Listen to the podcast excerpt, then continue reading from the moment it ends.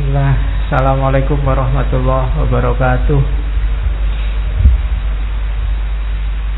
Bismillahirrahmanirrahim. Alhamdulillahi rabbil alamin. Wa bihi nasta'inu ala umurid dunya wa din. Allahumma salli wa sallim wa barik ala habibina wa syafi'ina Sayyidina wa maulana Muhammadin wa ala alihi wa ashabihi wa man tabi'a huda ila yaumiddin. Amma ba'du. Bismillah mari kita lanjutkan ngaji kita malam hari ini pas tanggal 1 Februari kita awali dengan sesi baru. Kita akan membahas tentang cinta. Sesi ini kita bagi empat ya karena satu bulan empat minggu. Dua minggu pertama kita bahas dari tradisi barat. Kita ketemu Plato dan Erich Fromm, muridnya Freud, penerusnya Karl Marx. Kemudian dua minggu terakhir kita ketemu dengan Robiah Adawiyah dan yang terakhir kita ketemu sama Rumi. Oke, okay. uh, ya meskipun hujan deras tidak apa-apa ya kita tetap ngaji aja. Semoga suara saya masih terdengar meskipun kalah sama suaranya hujan. Yang di belakang kalau nggak dengar boleh maju. Uh, ya, yang hujan-hujan seperti ini memaksakan hadir bagus, yang tidak hadir juga bagus. Ya, kan Nabi Muhammad kan gitu. Satu ketika Nabi itu diwaduli oleh Abu Bakar sama Umar. Abu Bakar ini kalau sholat lail setelah sholat isya sebelum tidur. Kalau Umar ya pokoknya tidur nanti bangun di sepertiga malam. Waktu lapor ke Nabi katanya Nabi dua-duanya benar dua-duanya baik Abu Bakar orang yang hati-hati karena dia takut mungkin nggak bisa bangun di sepertiga malam yang terakhir. Sementara Umar katanya Nabi, Umar orang yang kuat. Jadi Umar engkau orang yang kuat dan Abu Bakar engkau yang orang yang hati-hati. Dua-duanya benar. Maka yang berangkat ngaji hujan-hujan itu orang yang kuat. Jadi bagus. Yang tidak berangkat itu orang yang hati-hati. Lu sopo ngerti nanti pilek, sopo ngerti kedinginan. Dia harus hati-hati dong. Wong tubuh ini juga kan amanatnya Allah yang harus dijaga. Jadi dua-duanya benar, nggak ada yang salah. Hari ini kita sering gegeran karena yang hati-hati menganggap yang kuat itu nekat, yang kuat menganggap yang hati-hati ini anu lemah. Sekarang kan ada Islam kuat sama Islam hati-hati gegeran. Janjane dua-duanya sama-sama baiknya. Oke, maka yang tidak hadir ya jangan digerenengi. Mereka orang-orang yang baik, mereka hati-hati. Yang hadir bagus juga, mereka orang-orang yang kuat. Yang harus hadir, yo cuma saya.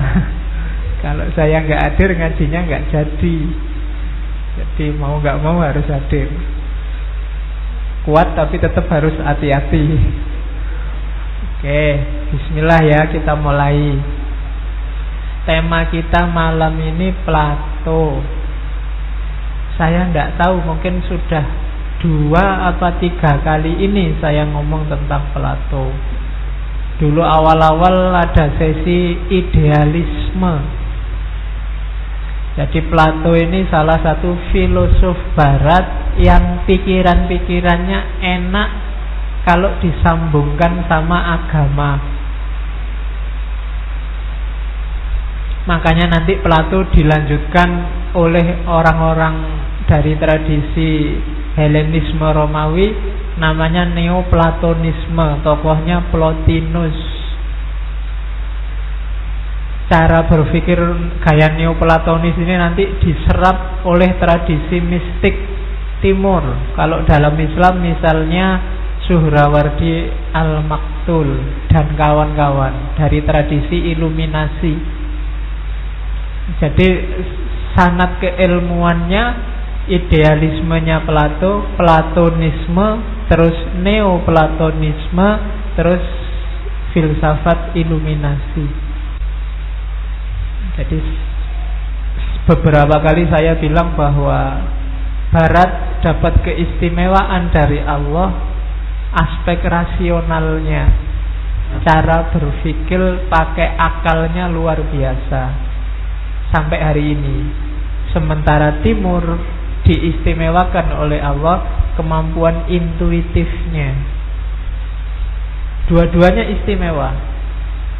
Maka kalau kita ingin pengetahuan kita utuh ya harus ada baratnya, ada timurnya. Jangan yang timur yang intuitif menganggap akal itu rendah dan yang rasional menganggap yang intuitif itu tidak masuk akal sehingga jelek. Oke. Malam ini kita ngomong Plato cuma tidak semuanya garis-garis besar pikirannya Plato kan sudah kita bahas beberapa kali. Terakhir yang saya ingat tentang kebahagiaan dan bukunya kan juga sudah terbit yang tentang kebahagiaan itu. Malam ini kita ganti tema yaitu tentang cinta. Ya. Ah, ya saya tidak tahu yang di kepalamu apa kalau saya ngomong cinta Biasanya yang muncul kan gambarnya orang pacaran. Ya. Kamu ngumumkan pun mesti arahnya ke situ. Hubungannya mesti antara yang jomblo dan nggak jomblo. Nggak, arahnya nanti nggak ke situ. Pertama-tama nggak ke situ. Kita lihat ya dari Plato sampai minggu depan Eris Fromm terus dilanjutkan Robiah dan Rumi. Jadi cinta itu bahasa Indonesia dari bahasa Sanskerta sebenarnya. Kata-kata cinta itu. Mungkin kalian tiap hari ngomong cinta tidak pernah ngelacak ya. Kata-kata cinta itu dari mana? Kata-kata cinta itu dari bahasa Sanskerta artinya malah tidak ada hubungannya seperti yang kamu bayangkan. Artinya itu pertimbangan pemikiran. Jadi dari sang sekerta nanti ada istilah kalau dalam bahasa sang sekerta itu cinta para. Cinta para itu orang yang hanyut dalam pikiran. Orang yang terpesona oleh pikiran itu cinta para. Dan itu yang hari ini kita pakai. Kata-kata di Indonesia, cinta. Meskipun nanti katanya sastrawan Remi Silado itu bukan itu bukan bahasa Sanskerta tapi bahasa Spanyol. Ke sini dibawa oleh orang-orang Portugis. Artinya tali. Makanya kan hari ini kan kita ada istilah putus cinta. Nah, itu berarti talinya putus. Zaman dulu kalau orang jatuh cinta terus tunangan, simbol bahwa dia sudah tunangan itu pakai diikat dengan tali yang warnanya merah. Makanya cinta itu bisa putus, bisa nyambung karena hubungannya sama tali. Dipakailah istilah cinta. Oke, yo istilah yang lain banyak. Ada istilah sayang, ada istilah kasih dan lain-lain. Kita lihat satu bulan ini ya, kita main-main dengan itu. Jenisnya ada cinta jasmaniah, ada cinta persahabatan, ada cinta ketuhanan. Itu biar kenal aja istilah-istilahnya. Cinta jasmaniah itu ya fisik ini yang konotasinya pacaran tadi, ketertarikan yang ada hubungannya sama seksualitas, cinta jasmania. Bahasa Yunaninya eros. Bahasa Sangsekertanya kama. Makanya ada kitab seks filsafat seksnya yang dari India judulnya Kama Sutra. Ya. Kama kelihatannya dulu pernah kita bahas itu Kama Sutra satu sesi. Alhamdulillah kelihatannya rekamannya nggak nggak jadi jadi saya lupa juga slide-nya masih ada apa enggak tapi itu kama namanya saya membayangkan entah kapan nanti ada satu bulan penuh kita tidak ngomong cinta tapi ngomong seks. Mungkin ruangannya jangan di sini ya, tidak enak. Ya, kan nanti ada Kama Sutra, orang Jawa kenal tant, uh, orang Jawa Hindu, eh, asalnya dari India ada filsafat namanya tantrisme. Ya kan?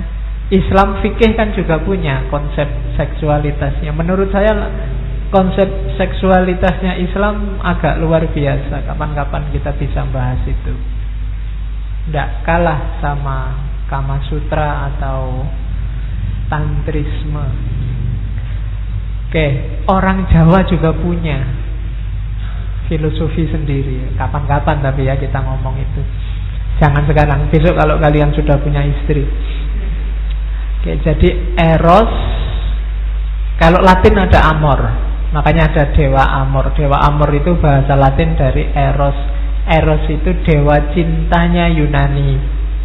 Kalau kalian mungkin surfing-surfing lihat ada gambarnya. Biasanya simbolnya pakai bayi. Bayi kecil ada sayapnya bawa panah. Itu eros. Padahal nanti dalam mitologinya eros ini yo Tinggi, besar, gagah, ganteng karena dia putranya Afrodit. Afrodit ini dewi yang paling cantik, istrinya Ares. Ares dewa perang. Afrodit ini anaknya Zeus, berarti Eros itu cucunya Zeus. Nah, itu cinta jasmania. Hati-hati panahnya Eros itu kalau kalian sudah kena panahnya Eros, itu sudah kelepek-kelepek tidak bisa mengelak. Orang jatuh cinta sebelum kamu jatuh cinta bisa kamu tahan, tapi kalau sudah jatuh cinta itu sudah walau alam bisawab. Iya, saya pernah ada wali murid itu datang menemui wali mahasiswa ketemu bahwa anaknya kuliahnya nilainya jatuh gara-gara pacaran. Sumpek tuh itu saya jawabnya Masa tak larang pacaran? Masa tak terus ada SK untuk mahasiswa jangan pacaran kan susah. Ya cuma tak bilang ini aja, Bu, ya anak muda itu kalau belum jatuh cinta dilarang untuk jatuh cinta lebih mudah daripada sudah jatuh cinta dilarang melanjutkan cintanya itu nilainya pasti lebih jatuh lagi. Kalau tidak percaya ya kamu coba aja. Oke, ya kamu coba jatuh cintalah sama yang pasti kamu ditolak. Nah, terus rasakan efeknya dalam hidupmu. Oke, itu cinta jasmania. Ada cinta yang kalau di Plato levelnya lebih tinggi. Istilahnya dia cinta persahabatan. Kalau ini tidak melihat jenis kelamin, tidak ada hasrat seksual Tapi Kalau bahasa Inggrisnya compassion. Kasih. Sesama. Cinta alam. Itu ada di level kedua. Cinta persahabatan. Bahasa Yunaninya filia. Makanya filsafat itu filia sama sofia. Filosofi dia sejenis cinta juga Maka ngaji filsafat itu boleh kamu sebut ngaji cinta. Cuma cintanya bukan cinta jasmania, tapi cinta yang lebih tinggi, filia. Kalau bahasa sang sekertanya itu priyata atau sneha, bahasa Latinnya delictio. Oke, yang ketiga cinta ketuhanan. Kalau cinta ketuhanan itu cintanya Tuhan pada kita yang kita tiru dengan mencintai seperti cintanya Tuhan pada alam semesta. Jadi kita mencintai segalanya atas dasar cintanya Tuhan, karunia Tuhan. Itu namanya cinta ilahiyah. Nanti dicontohkan oleh Robiah, oleh Rumi, betapa sayangnya Tuhan pada kita dan kita juga betapa sayang dan butuh kita pada Tuhan. Itu kalau bahasa Yunani namanya agape. Ya, bukan EGP ya. Kalau EGP kan memang gue pikirin. Karitas, karuna, prema. Bahasa Arabnya Rohman bahasa Yahudinya Hesed bukan keset Hesed ya. Jadi itu cinta ketuhanan. Jadi ternyata istilahnya beda-beda. Cuma di dalam bahasa Indonesia disebut cinta. Jadi kalau ada orang bilang aku cinta padamu tegaskan dulu itu cinta yang gimana dulu? Cinta yang jenisnya eros apa jenisnya filia apa jenisnya agape? Jenisnya agape itu cinta ketuhanan. Itu yang dalam hadis mencintai karena Allah dan berpisah karena Allah. Itu cinta ketuhanan namanya. Tapi kalau ya karena kita sesama manusia aku sayang kamu kamu sayang aku. Filia itu berarti cinta level 2 kalau cinta jasmania itu yang eros. Nah kalau ada orang bilang I love you padamu, jangan salah paham dulu. Jangan-jangan itu cinta yang kedua, yang filia, bukan yang pertama. Oke, jadi jenisnya itu awas keliru kalau membaca istilah-istilah. Kalau dalam Islam cinta yang sifatnya jasmania itu sering disebut mawaddah Ya, jadi kalau makanya orang berumah tangga itu biasanya kan mawadah, syukur-syukur bisa naik level jadi mahabbah. Kalau lebih tinggi dari itu rohmah. Jangan ujuk-ujuk rohmah. Kalau rohmah dulu tanpa mawadah, tidak ada ketertarikan jasmania, ya susah kamu nanti berumah tangga. Lihat suaminya kayak temennya, kayak ustadznya, kayak enggak enak. Ada level mawadah dulu, ketertarikan fisik. Setelah itu mahabbah. Setelah itu baru rohmah, cinta ketuhanan. Maka kalau cintanya naik dari mawadah ke mahabbah terus jadi rohmah, rumah tangganya langgeng. Tapi kalau tidak naik kelas, mawadah kok mawadah terus nggak jadi mahabbah, nanti istrinya umur-umur 50-an sudah bosan, ingin nyari yang baru. Kenapa? Ya karena jasmania, fisiknya kan sudah berubah. Secantik apa pun orang umur-umur 50, 60 ya pasti sudah berubah. Makanya saya sering bilang makanya nyari istri biar langgeng jangan cari yang cantik. Nyari yang jelek lebih langgeng. Karena kalau jelek itu kan sekarang kamu nikahi jelek besok sudah tua ya masih jelek jadi tidak kaget kamu. Tapi kalau kamu nyari yang cantik ya sekarang cantik kalau sudah tua berubah jadi jelek. Jadi kalau ingin cintamu langgeng ya jangan nyari yang terlalu cakep. Hidupmu tidak tenang nanti Waktu muda kamu tidak tenang, waktu tua dia sudah jadi jelek. Oke, cinta jasmania ma mawadah naik kelas jadi mahabbah. Kalau mahabbah itu sudah sudah nggak lihat lagi fisik. sudah ada kedalaman. Kalau yang ilahiyah sudah tidak melibatkan yang bercinta lagi tapi hubungannya sama ketuhanan. Orientasinya ke atas. Dan nanti Plato ngajarin itu. Bagaimana cinta itu jangan berhenti di jasmania meskipun boleh manusiawi kamu suka sama lawan jenis. Bahkan nanti di salah satu kitabnya Plato namanya Paedrus, Plato itu kan biasanya bukunya pakai dialog ada salah satu narasi dari temennya yang menyetujui homoseksualitas di di buku itu cuma nanti dibantah oleh Socrates. Cara mikirnya tidak begitu katanya Socrates. Oke nanti kita lihat. Jadi untuk belajar Plato tentang cinta bukunya tiga. Tiga-tiganya dialog. Yang pertama judulnya Paedrus yang kedua simposium yang paling banyak ngomong tentang cinta, yang ketiga republik ya, yang sudah diterjemahkan dan tebal. Yang paling banyak ngomong tentang cinta itu simposium. Simposium itu dialog antara Sokrates dan kawan-kawan yang sedang berpesta dan beberapa di antaranya mabuk terus ngomong tentang cinta itu dalam narasinya Plato. Jadi tradisinya orang Yunani kan lesehan ngobrol-ngobrol tapi ngobrolnya berkualitas. Tidak ngomong yang aneh-aneh apalagi yang hoak-hoak.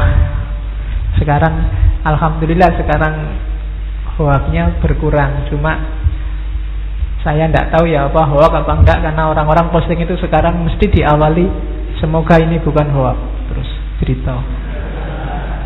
Aja. Oke. Dari simposium malam ini lebih banyak dari Pak dari Pak Idrus satu dua.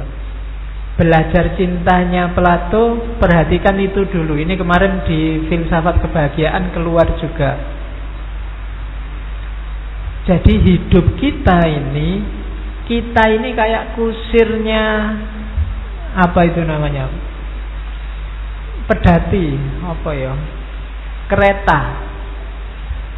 Kudanya dua, cuma itu gambarnya kurang mewakili. Kudanya ada sayapnya nanti. Jadi hidup kita itu kayak orang yang sedang naik kereta. Kudanya dua, ada size-nya, dan ada sayapnya. Ini imajinasinya kayak buruk gitu kan, kuda yang ada sayapnya. Oke, ada kuda hitam, ada kuda putih. Kuda hitam ini lambang nafsu-nafsu yang rendah. Rendah itu bukan berarti jelek ya Tapi levelnya rendah Kita butuh itu Tapi jangan sampai dikuasai Kalau kuda putih Ini hasrat yang levelnya lebih tinggi. Harga diri Keinginan melakukan kebaikan Dan seterusnya. Itu kuda putih. Itu ya bagus Tapi tetap harus kita kendalikan. Kalau tidak kita kendalikan, keinginan baik itu bisa blunder merusak kita sendiri. Maunya ngasih nasihat orang lain, tapi kalau ruang dan waktu, porsi dan proporsinya nggak pas, itu bisa hasilnya kebalikannya. Itu kuda putih. Jadi dalam diri kita ada dorongan untuk berbuat baik namanya kuda putih, ada nafsu-nafsu rendah namanya kuda hitam. Yang bisa mengendalikan siapa? Size-nya. Kusirnya namanya rasio, akal. Akalnya harus jalan.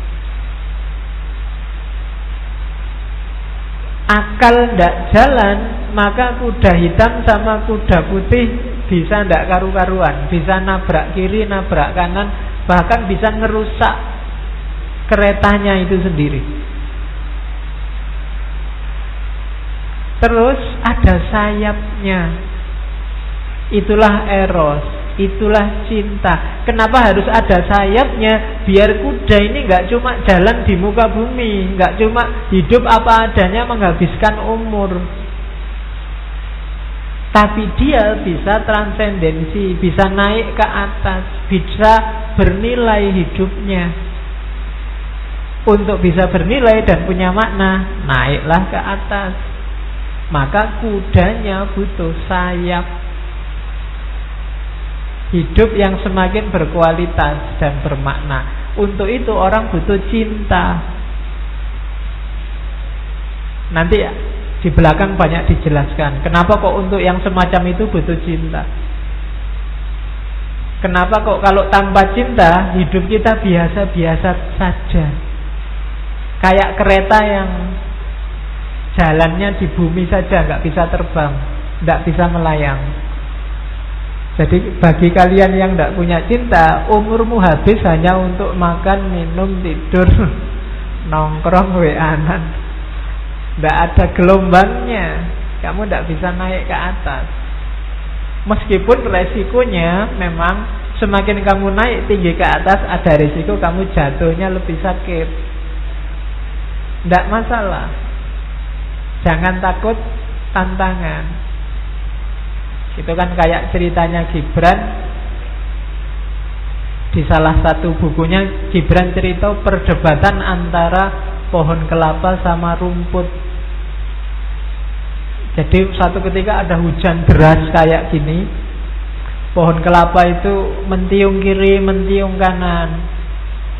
Lama-lama rubuh dia Rubuh ketemu rumput Diketawain sama rumput Makanya jadi tumbuhan gak usah tinggi-tinggi Cukup jadi rumput saja Tapi jawabannya pohon kelapa apa?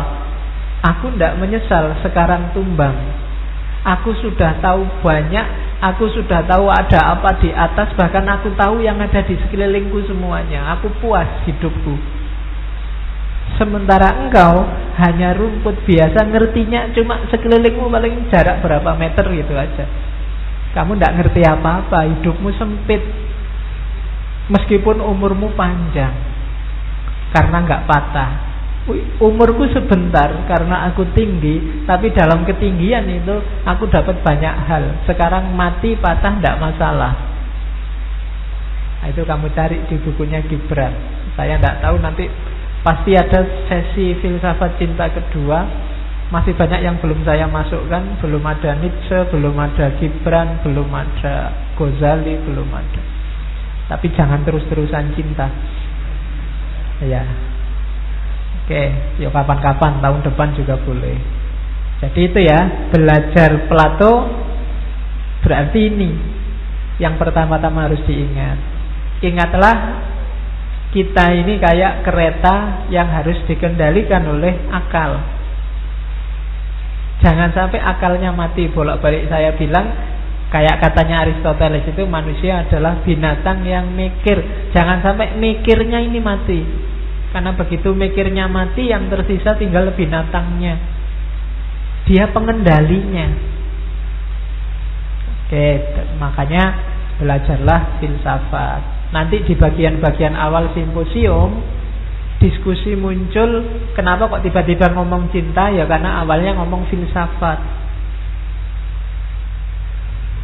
Jadi katanya Sokrates kan sering bilang bahwa filsafat itu adalah satu bidang keilmuan, bidang pengetahuan yang membuat kita bisa hidup lebih baik. Kenapa? Karena kita bisa berpikir lebih baik. Sokrates kan gitu. Pengetahuan meniscayakan kebaikan pengetahuan yang benar, perbuatan pasti juga benar. Tidak mungkin orang ngerti pengetahuan yang benar, perbuatannya salah. Kenapa? Orang kayak gini katanya Plato berarti dia belum benar-benar tahu dan dia orang bodoh. Karena kalau orang benar-benar ngerti, kalau dia tahu kebaikan, dia pasti melakukan kebaikan. Jadi katanya Sokrates makanya untuk hidup dengan baik kita butuh filsafat. Filsafat itu menunjukkan pada kita ini loh modusnya hidup yang benar dan baik itu. Filsafat itu menunjukkan pada kita kita nggak perlu takut ini nggak perlu takut itu. Kita harus melakukan ini jangan melakukan itu itu filsafat. Jadi yang sudah ngaji filsafat sampai sesi 100 kilo 140 sekian harusnya hidupnya lebih baik kualitasnya. Kalau belum yo tanyalah pada Socrates Kok bisa belum? Harusnya wawasannya tambah, kualitas hidupnya juga naik. Harusnya itu. Itulah hakikatnya filsafat. Kalau belum nyampe situ ya mungkin masih sofis, bukan filosofia. Kalau sofis itu pengetahuannya banyak, tapi pengetahuan ini diolah untuk kepentingannya sendiri. Hasrat individualnya. Makanya kaum sofis ini selalu gegeran sama Sokrates. Nanti di situ juga ada orang sofis di simposium. Jadi jangan jadi sofis, jadilah filosofis. Oke, terus nah berarti apa? Filsafat itu belajar tentang hidup, belajar tentang manusia. Dan salah satu gejala manusia, gejala hidup yang luar biasa dalam manusia itu cinta. Setiap kali kajian cinta pasti di situ disebut bahwa cinta adalah puncak fenomena mentalnya manusia. Jadi dia penting.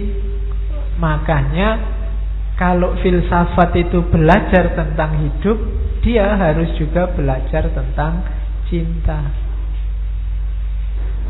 Nanti di awal-awal disebut ya berarti tema cinta itu tema yang penting harus dibahas. Kesimpulannya itu.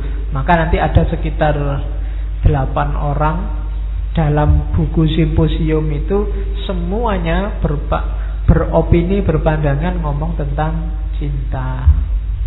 Oke. Terus kita lihat orang pertama yang ngomong dalam simposium. Sebelum ke sana nanti didefinisikan dalam buku Paedrus cinta itu divine madness. Cinta itu madness, madness itu kegilaan. Tapi kegila divine madness itu kalau di bahasa Indonesia kan mungkin gila tapi ilahiyah. Susah ya definisi kegilaan tapi sifatnya karakternya ketuhanan. Gendeng tapi ketuhanan susah ya. Bukan bukan ketuhanan yang maha gila loh ya, tapi kegilaan yang bercorak ilahi. Itu cinta. Tidak ada cinta yang tidak gila. Kalau kamu belum nyampe level gila dalam tanda petik ya bukan gila beneran. Kalau kamu belum nyampe level gila, kamu belum cinta beneran. Makanya dalam Paidrus disebut ya kegilaan itu ada dua, ada kegilaan karena memang sakit jiwa. Kalau ini sih nggak usah dibahas ya dibawa aja ke dokter. Yang kedua ini yang divine madness, kegilaan yang ilahiyah. Ini khas. Dia tidak normal kayak yang lain dan katanya Sokrates di Paidrus itu kegilaan ilahiyah itu sebenarnya empat jenis. Salah satunya cinta.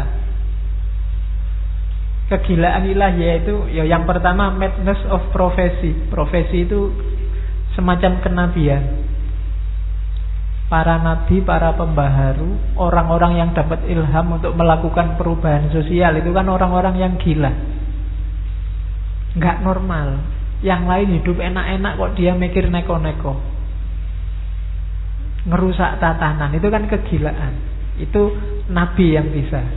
Jenis pertama, kegilaan. Jenis kegilaan yang kedua adalah madness to escape guilt and hardship. Biasanya orang yang terjebak oleh kerumitan, kesalahan atau hidup yang beratnya beban luar biasa itu agak gila.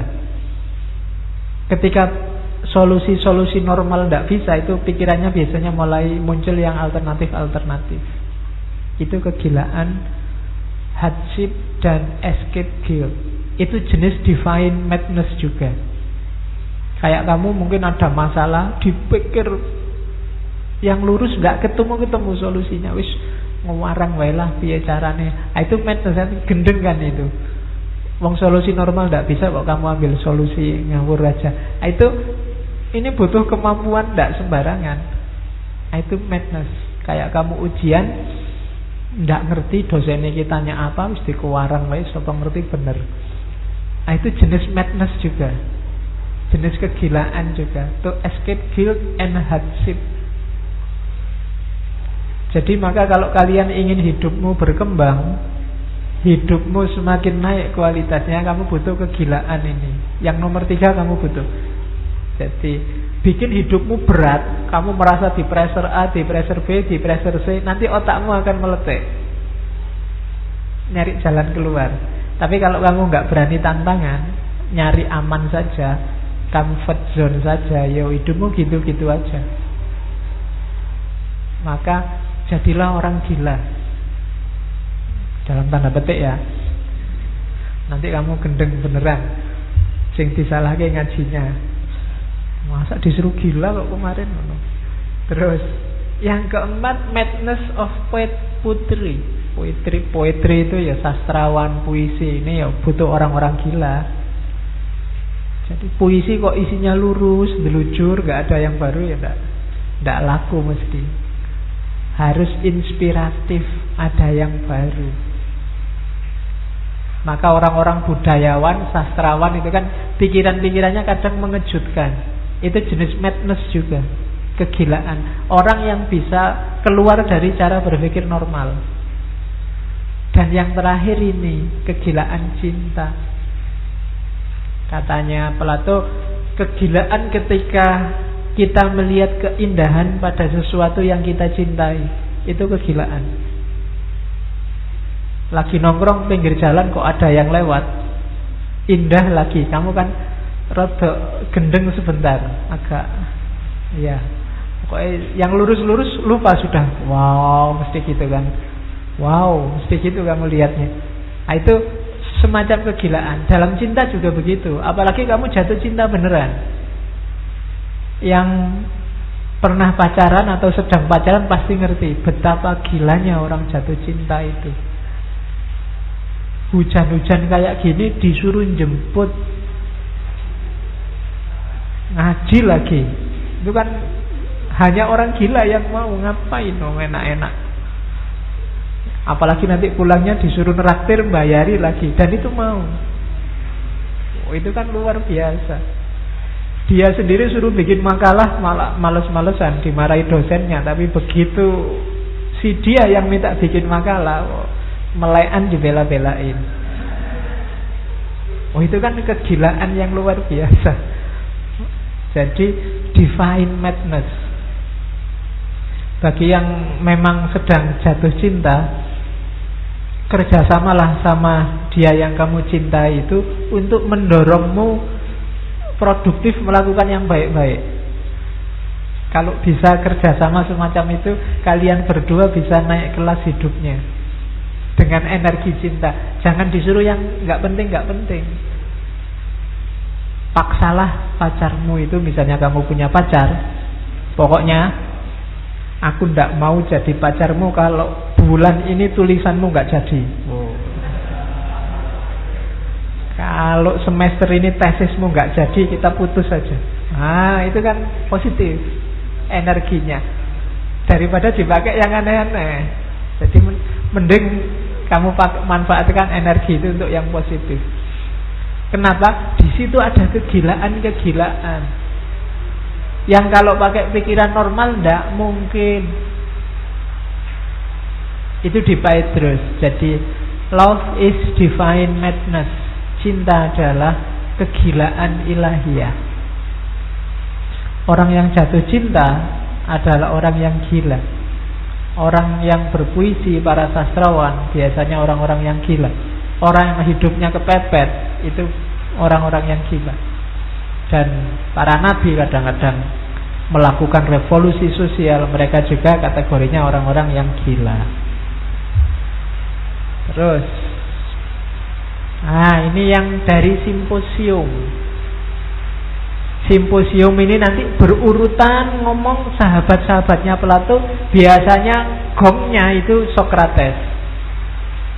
Sokrates inilah nanti konsep cintanya Plato. Kalau ini masih sahabat-sahabatnya, ada yang salah diluruskan, ada yang dilanjutkan oleh Sokrates, ada yang dibantah sama sekali oleh Sokrates. Yang pertama Paidrus. Paidrus ini kayak penceramah. Karena dia orang bangsawan. Kalau ngomong agak gaya.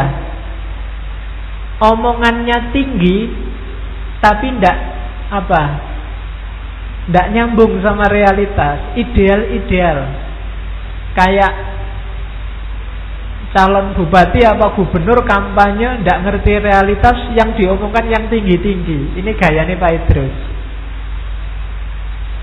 makanya dia bilang cinta itu simbolnya eros dalam cinta ada kemuliaan dalam cinta ada pengorbanan para pecinta adalah para pejuang yang mau berkorban dan seterusnya. Ini kalimat-kalimat bombastis untuk menceritakan cinta. Seolah-olah iya memang kayak gitu cinta itu, cuma ini cuma retorika. Cinta adalah segalanya. Cinta adalah puncaknya kemuliaan moral manusia. Cinta adalah itu jawabannya pasti iya. Ya memang begitu, tapi terus gimana realitasnya? Hakikatnya cinta itu apa kan? Cinta itu mulia iya. Hidup ini harus dikembangkan dengan kasih sayang iya. Tapi urean detailnya kayak gimana? Pokoknya kita harus membasmi kemiskinan. Pokoknya gimana orang Indonesia ini rukun, utuh. Iya lah ngomongnya enak, ya prakteknya gimana? Wong sekarang sudah jelas gegeran. Sudah tawuran. Sebentar lagi perang kalau tidak ada yang misah. Kita hari ini kan kayak anak kecil yang saya ingat zaman saya kecil itu kalau sedang main sama temen. Misalnya ada yang salah apa itu. Sebenarnya aku ndak apa-apa tapi temenku ini yang kurang ajar. Wih digituin. Kalau aku nangis itu kok aku ngamuk itu kalau dia akhirnya ngamuk tenang. Padahal aslinya nggak apa-apa loh dipanas-panasi sih sama temen-temen misalnya ada yang salah padaku jadi aku rapopo tapi kok terus temenku yang satu oh kalau aku digituin tak sikat kalau aku digituin tak bales akhirnya ingin bales beneran Hari ini banyak yang kayak gitu, kamu dipanas-panasin. Kamu tidak sadar sedang dipanas-panasin biar biar menyala semua dan nanti tawuran.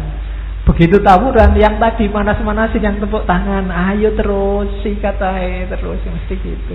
Seneng dia sukses provokasinya. Ah, Pak Idrus ini gayanya itu sebenarnya. Dia ngomongnya ngomong tinggi-tinggi teoritis. Cinta itu mulia. Cinta itu Inti kehidupan.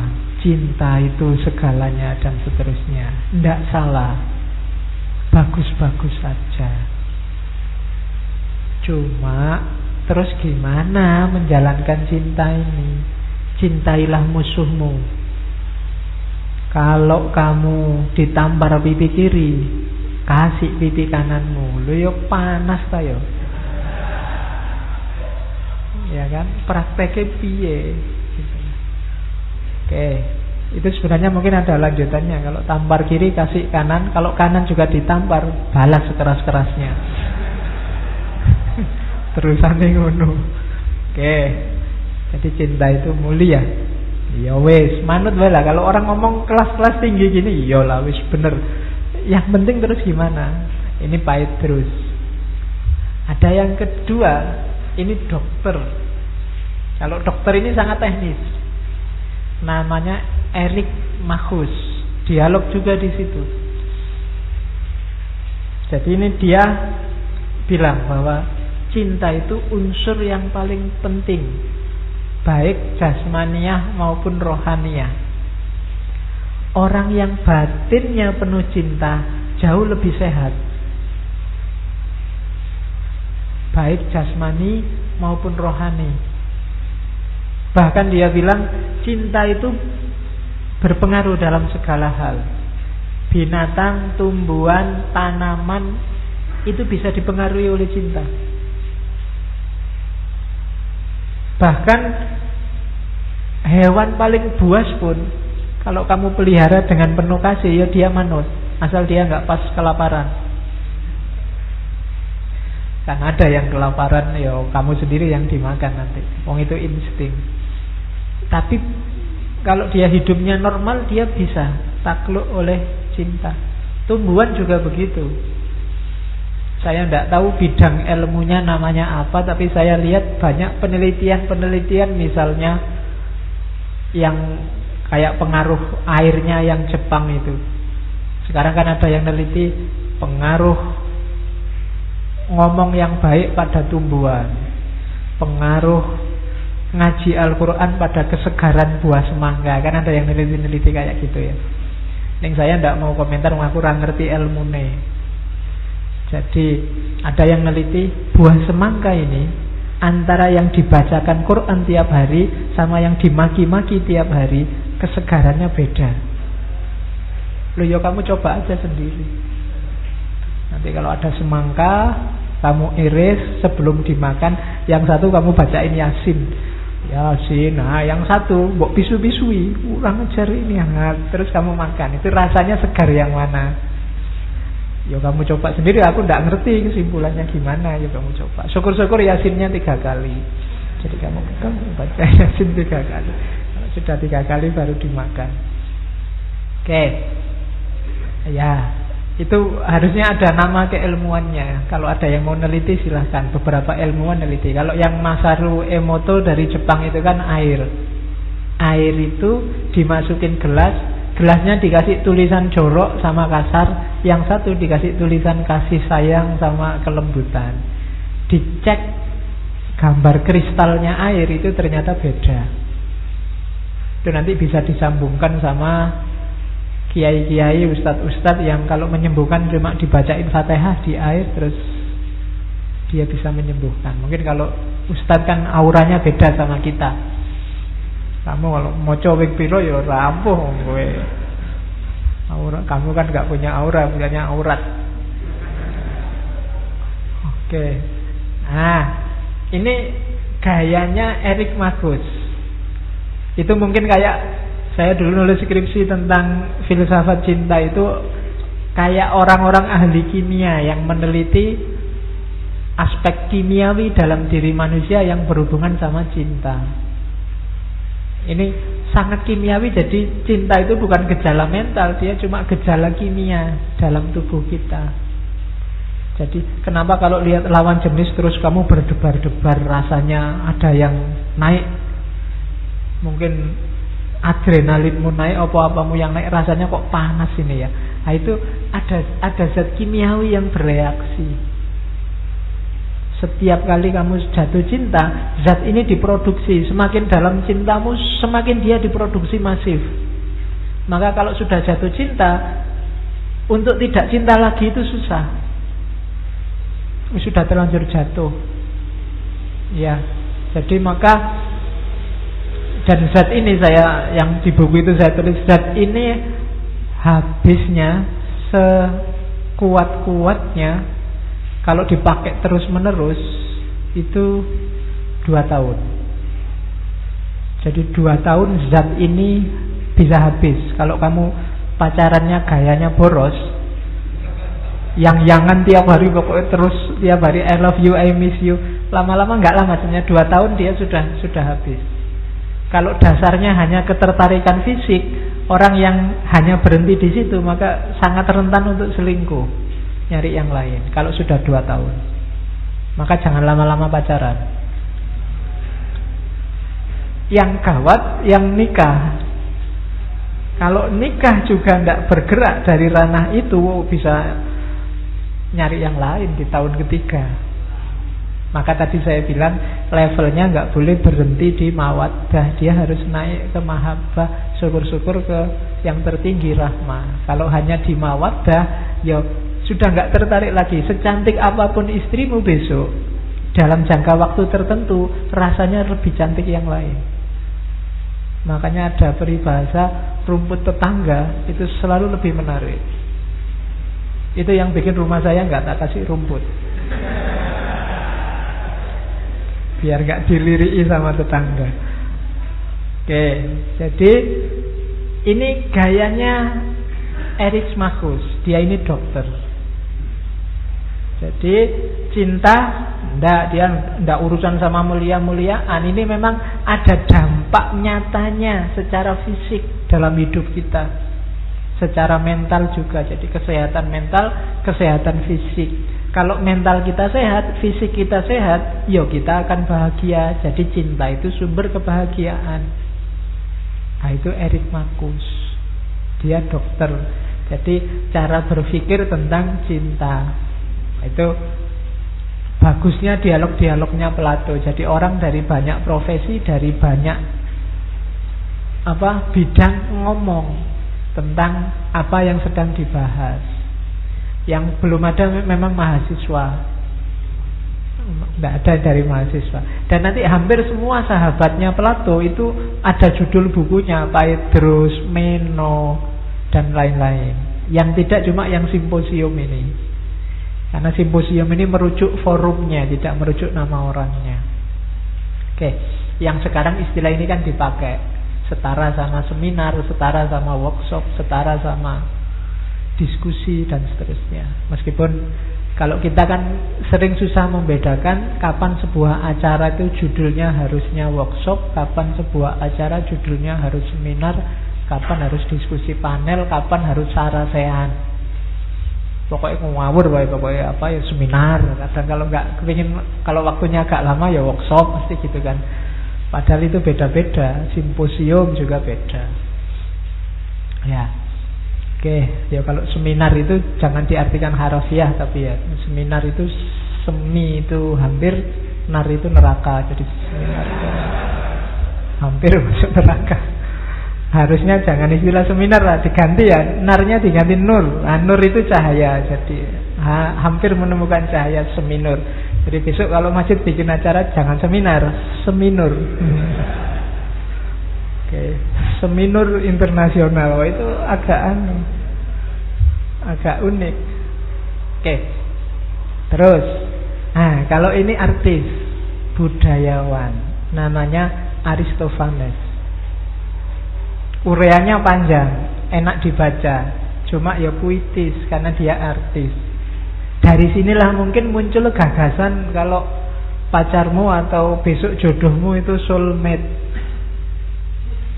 belahan jiwa. Jadi cinta itu adalah pencarian kita pada soulmate kita, alter ego, diri kita yang dulu. Dulunya kita nempel tapi terus dipisah oleh karena ada cerita manusia itu dulu gandeng-gandeng dua sesuai pasangannya. Cuma karena dia sombong terus dihukum oleh Zeus. Hukumannya apa? Dipisah dari pasangannya. Nah, sekarang tiap orang itu nyari pasangannya sendiri-sendiri. Ya kalau kamu yang nggak nemu-nemu itu berarti pasanganmu hilang. Atau jangan-jangan diambil orang lain. Karena ada yang poligami banyak, itu jangan-jangan jatahmu diambil. Ya, hati-hati. Ya, jadi cinta itu ada ilustrasi bagus tak ambil dari Google itu. Nah, dulunya itu gabung gitu. Terus sama Zeus dipisah dua. Nah, jadinya kita sekarang itu nyari belahan jiwa. Orang Jawa menyebutnya jodoh itu si garaning nyowo. Disingkat jadi garwo. Jadi belahan nyawa kita. Karena dulu itu pasangan kita terus bisa. Yo ini faktanya susah diverifikasi tapi buat puitisasi, dramatisasi memang indah. Nah, itu gayanya Aristophanes. Ya kan? Loh, dulu kan gitu. Kalau dalam Islam kan cara membelahnya kan tidak sigar dua gitu, cuma tulang rusuknya dipotong. Jadi Hawa itu dibelahkan dari Adam lewat tulang rusuknya. Makanya kan ada anekdot itu yang dilakukan Hawa pertama kali tiap pagi itu ngitung tulang rusuknya Adam. Dia khawatir berkurang satu lagi. Karena kalau berkurang satu lagi dapat saingan dia. Pokoknya jangan sampai tulang rusuknya Adam kurang lagi ini. Jadi banyak. Jadi ini Aristophanes. Jadi dia sastrawan, artis, cara menjelaskannya juga puitis. Dia pakai mitologi Yunani bahwa cinta itu adalah mencari belahan jiwa, nyari soulmate kita. Oke. Cuma ya ini kadang-kadang dipakai alasan untuk selingkuh. Wah, mohon maaf, aku tidak cocok lagi. Kelihatannya kamu bukan belahan jiwaku. Aku mau nyari yang lain. Ya itu saya naik itu ya jadi sudah dapat nyari yang lain karena bukan belahan jiwa. Atau jangan-jangan ada yang suaminya satu, istrinya empat itu berarti dulu gerombol lima gitu terus dipisah-pisah. Sekarang dikumpulkan lagi jadi satu. Ya mungkin begitu ya, sopo ngerti. Karena ada kadang-kadang pisang itu gandengnya sampai banyak. Nah, dulu mungkin manusia yang edisi gandengnya banyak. Nah, besok di dunia ini istrinya lebih dari satu. Mungkin begitu. Oke, cuma ini Aristophanes. Ya ini tetap membacanya ya simbolis. Jadi cinta itu berarti apa? Nyari yang klop, nyari yang klik sama hidup kita. Jadi yang pas. Kalau kita tumbuh ya nyari tutup yang pas. Kalau yin ya nyari yang yang. Itu berarti klop utuh, mencari keutuhan. Jadi kalau orang di Cina yang punya ideologi yin yang kan gitu, pasangan yang baik itu yang melengkapi kita. Kalau kamu yin, carilah yang yang. Yang meledak-ledak cari yang kalem. Kalau meledak-ledak dapat meledak-ledak yo rusak. Tiap hari ledakannya jadi besar. Kalau yang kalem dapat yang kalem. Kalau pacaran diem satu diem satu diem ngomong apa kita tidak tahu ya udah diem aja lah orang iso orang itu pacaran Ya yang yin cari yang yang, yang yang cari yang yin. Jadi klop. Yang satu cerewet, yang satu pendiam. Kalau yang satu cerewet, yang satu cerewet, yo koyo kaset rusak ngomongannya tidak karu-karuan wis. Tapi kalau yang satu pendiam, yang satu pendiam, ya tidak jelas. Sepi akhirnya. Oke. Jadi itu Aristophanes. Jadi cinta itu berarti apa? Nyari kecenderungan jiwa yang cocok sama kita. Oke. Terus ada lagi ini orang sofis yang tadi saya bilang. Ini nanti yang dikritik oleh Socrates. Cinta itu urusannya anak-anak muda. Gairah remaja jadi yang orang-orang tua sudah wassalam. Sudah tidak pantas lagi ngomong tentang cinta. Dan Eros itu kalau bagi Agatan itu kan dewa paling muda, makanya gambarannya kecil, kayak bayi yang bawa panah, panah asmara.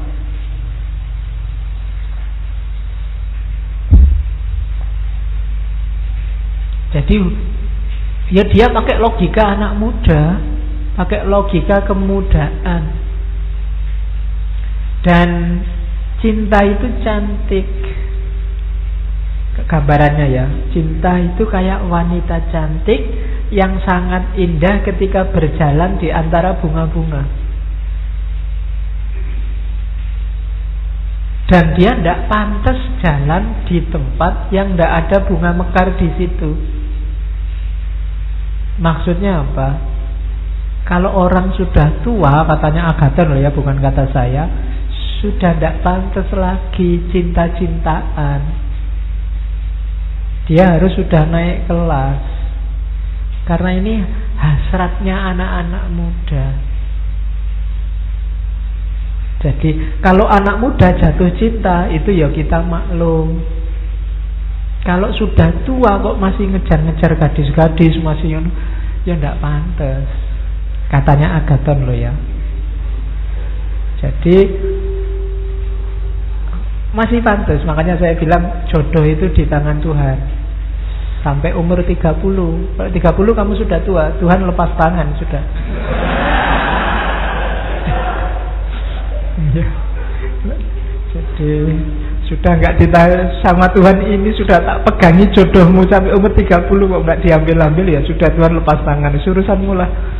Mau nyari yang pada oke. Jadi katanya Agaton ndak. Ini urusannya anak muda. Yang tua-tua ndak saya ikut. Yang tua-tua dia harus tidak lagi mengejar mencari cinta. Level cintanya sudah. Tidak lagi urusan jasmania Dan katanya Agaton lagi Loh dari cinta ini loh nanti bisa lahir empat kebijaksanaan utama Yang dikenal di Yunani saat itu Yaitu apa? Keadilan, kesederhanaan, keberanian, dan kebijaksanaan tanpa ada cinta susah untuk lahir keadilan. Oke. Lupa bukankah dengan cinta orang bisa tidak adil bela cintanya? Kalau orang demi cintanya terus tidak adil, itu bukan cinta. Cinta itu harus bikin kamu naik kelas secara manusia, kamu lebih berkualitas. Biasanya kok cinta mendorong ke arah yang lebih jelek, itu bukan cinta. Pasti ada pamrih-pamrih di situ atas nama cinta. Nanti Plato menjelaskan banyak tentang itu. Orang yang cinta pasti adil. Nabi Muhammad itu sangat cinta pada anaknya, tapi beliau bilang, kalau Fatimah anakku mencuri, aku sendiri yang motong tangannya. Itu justru menunjukkan cinta. Misalnya aku punya anak, kemudian anakku salah, harus dihukum. Itu menunjukkan aku cinta. Tapi kalau anakku salah terus harus tak belain dia harus tetap benar, dia harus dianggap benar. Ini justru menunjukkan kamu tidak cinta pada anakmu. Jadi cinta itu harus Kalau pacarmu salah, bilang aja salah Kalau pacarmu salah, kamu bilang Ndak, kamu selalu benar kok Pacarku nggak mungkin salah. Pacarku, itu kamu ngerusak dia. Ndak adil. Cinta melahirkan keadilan. Jadi bagi yang punya pasangan Bagi yang sudah menikah Atau yang masih pacaran Harus saling memberdayakan. Jangan saling merusak. Saling merusak itu antara lain tadi. Kamu belain mati-matian Salah benar juga dibelain. Itu merusak Berarti bukan cinta yang benar. Dan melahirkan juga kesederhanaan Keberanian Kebijaksanaan. Dan katanya Agaton Yo ini cinta itu Yang dipahami orang. Bukan yang mistik kayak tadi Bukan yang pakai mitos, bukan yang pakai kedokteran, bukan yang bombastis kayak Petrus. Cinta itu ya biasa-biasa dan salah satu variabel hidup. Ah ini Agaton, orang sofis. Oke. Nah, terus ada lagi sekarang ahli hukum namanya Pausanias. Ini dalam simposium. Pausanian ini nanti membagi dua. Cinta itu ada dua jenis. Ada jenis vulgar namanya Afrodit Pandemus, ada jenis lembut namanya nanti Afrodit Urania. Ini nanti teori ini dipakai oleh Socrates dan disempurnakan. Jadi yang pertama Afrodit Pandemus. Afrodit Pandemus itu ya cinta erotik, cinta romantik. Jadi cinta yang fokusnya pada kesenangan jasmania. Nyari enak. Kepuasan batin jasmania. Itu nyari enak. Jadi namanya Afrodit Pandemus. Jadi antara yang mencintai dan yang dicintai saling memanfaatkan untuk kesenangan jasmania. Oke. Katanya Socrates, ini cinta tahap paling dasar dan tidak boleh berhenti di sini. Kalau berhenti di sini bisa bahaya. Cintanya bisa jadi racun. Cinta yang harusnya meningkatkan dirimu, kualitas hidupmu, dia bisa malah merusak. Cirinya Afrodit Pandemus itu Afrodit itu ya dewa Afrodit itu Ibunya Eros Orang sering menyebutnya dewa cinta Katanya dewa paling cantik Meskipun kalau teman-teman baca sejarahnya di mitologi Yunani ini dewa paling cantik tapi kadang-kadang ya jahat. Ingin menguasai semua laki-laki ganteng. Ya, orang barat suka kalau kamu suka googling coba carilah dewa cantik yang paling banyak digambar oleh para seniman barat zaman dulu itu Afrodit. Biasanya gambarnya telanjang. Dewi yang telanjang tapi memang kalau telanjang itu kan biasanya melihatnya jadi menarik. Ya itu Afrodit. Nanti Afrodit ini yang melahirkan perang Troya karena dia menjanjikan perempuan cantik pada pangeran dari Troya namanya Paris. Cuma ternyata perempuan yang dijanjikan ini istrinya raja. Jadi terus terjadi perang Troya yang terkenal itu sampai 10 tahun. Melahirkan pahlawan yang kita kenal namanya Achilles. Nah, itu perang Troya yang jebakannya pakai kuda Troya itu. Yang sekarang istilah kuda Troya dipakai sebagai hubungannya sama strategi jebakan. Nah, itu Afrodit Pandemus. Cinta fisik secara umum. Oke, cirinya katanya Socrates ada enam. Cinta itu cinta yang level bawah. Cirinya yang pertama, kalau orang yang mencintai jadi korban perasaannya sendiri. Ini istilah korban perasaan. Mungkin bahasa Indonesia itu ya. Kamu kan sering pakai istilah ini kalau pas waktu Idul Adha tidak punya uang untuk urunan. Eh mas korban nggak? Bisa aku korban perasaan aja. Nah, cinta jenis Afrodit Pandemus ini orang ini jadi budaknya perasaannya. Yang tadi kuda tunggangan. Ya kalau perasaannya kecenderungannya bagus ya berarti kuda yang warnanya putih. Akalnya jadi nggak jernih. Yang penting kamu jangan meninggalkan aku. Disuruh apa aja aku mau wis. Nah itu tidak jernih sudah kalau sudah kayak gitu. Engkaulah segalanya bagiku. Lautanku seberangi. Nah, gunung akan kudaki. Itu kalau pas lagi seru-serunya jatuh cinta mesti begitu. Oke. Ya nanti kalau sudah jadi menikah tidak mungkin ngomong gitu lagi. Apalagi anaknya empat, terus nyari kerja susah, utangnya banyak, itu sudah ada lagi lautan yang diseberangi, gunung yang didaki. Tiap hari sini gegeran. Oke, jadi dia jadi korban perasaan, itu ciri pertama terombang-ambing oleh perasaannya sendiri, tidak stabil. Kalau cinta bisa membuatmu sangat sedih, Dan kadang-kadang jadi sangat gembira itu namanya nggak stabil. Ketika kamu sedih, cintamu surut. Ketika kamu gembira, cintamu naik. Pasang dan surut itu berarti cinta yang tidak stabil. Itu cirinya bahwa cintamu masih di level Afrodit Pandemus. Yang kedua, kamu jadi budaknya kesenangan cinta. Kamu pokoknya ingin senang terus dalam cintamu. Entah jalurnya apa. Pengen ketemu terus, pengen yang-yangan terus, pengen apel terus, pengen pokoknya senang. Ada yang tidak enak sedikit aja kamu marah-marah. Kamu galau. Nah, itu ciri kedua. Jadi kalau cinta kok tidak mau susah, nyari seneng terus itu alamat. Cintamu masih di level dasar. Terus cinta yang bikin yang dicintai jadi inferior. Cinta yang ingin yang kamu cintai sesuai harapanmu, kamu ingin dia kayak itu terus.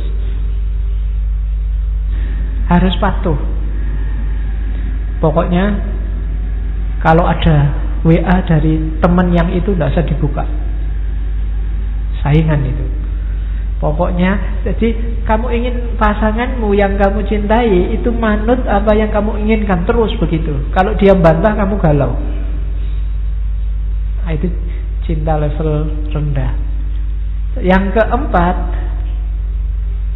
oke, okay, cinta yang altruis, cinta yang mengorbankan dirinya.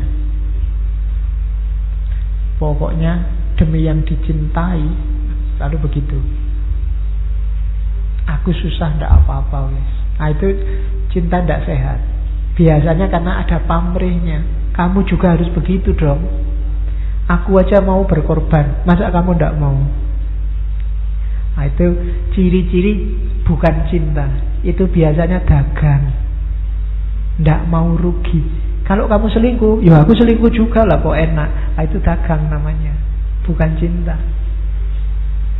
Kemarin di WA nggak bales, awas. Sekarang nggak tak bales juga. Emang enak dicuekin.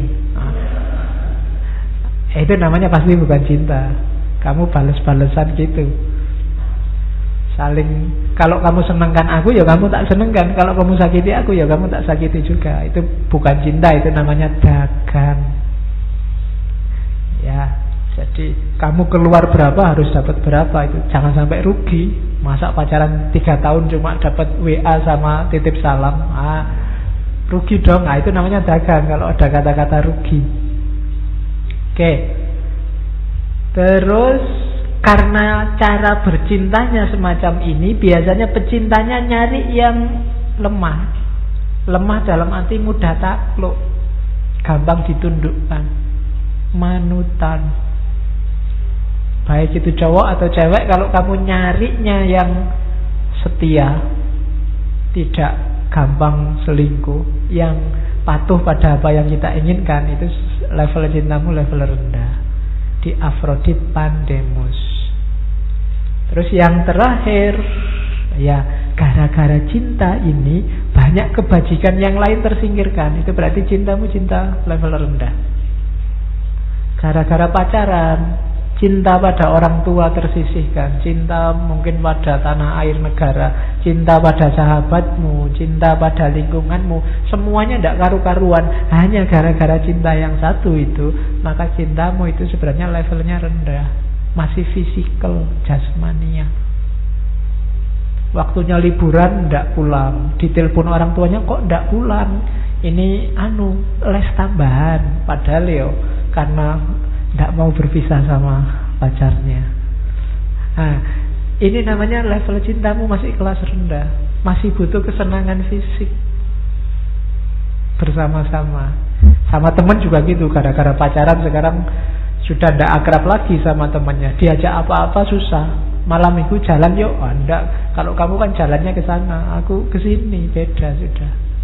Diajak ngomong sudah nggak nyambung lagi karena tiap hari sibuk sama yang dicintai kebajikan-kebajikan yang lain banyak hilang itu berarti cintanya perlu dievaluasi lagi. Biasanya levelnya level masih Afrodit Pandemus. Nah, ada level yang lebih tinggi yaitu Afrodit Urania. Urania, Uranus itu dianggap ayah biologisnya Afrodit. Afrodit Urania ini cinta yang sudah naik kelas. Yang dicintai tidak lagi jasmania, tidak lagi matter, tapi form. Tidak lagi melihat fisik, tapi sudah melihat rohani. Rohani itu tidak harus diartikan sifatnya baik. Tapi rohani itu berarti apa?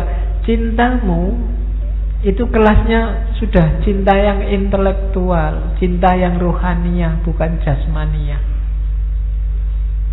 Cinta yang mencerdaskan, cinta yang menaikkan kualitas hidupmu, cinta yang kalian berdua bekerja sama, saling membantu, saling menaikkan level kehidupan masing-masing. Itu Afrodit Urania. Dengan kamu, misalnya ya contoh vulgarnya, dengan kamu punya pacar, kamu sekarang jadi rajin ke perpustakaan. Akhirnya skripsimu, tesismu cepat selesai karena digarap berdua. Contoh gampangannya ngono. Oh itu kan bermanfaat. Tapi kalau gara-gara cinta skripsi tesismu keteteran karena tiap hari harus apel harus antar jemput macam-macam, itu berarti levelnya rendah.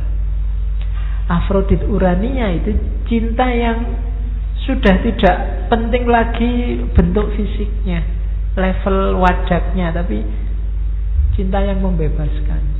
Cinta yang masuk ke level intelektual. Nanti ini dijelaskan lebih detail lagi oleh Socrates di simposium. Socrates itu ya Plato itu. Karena Plato ketika nulis simposium selalu pakai murid gurunya Socrates.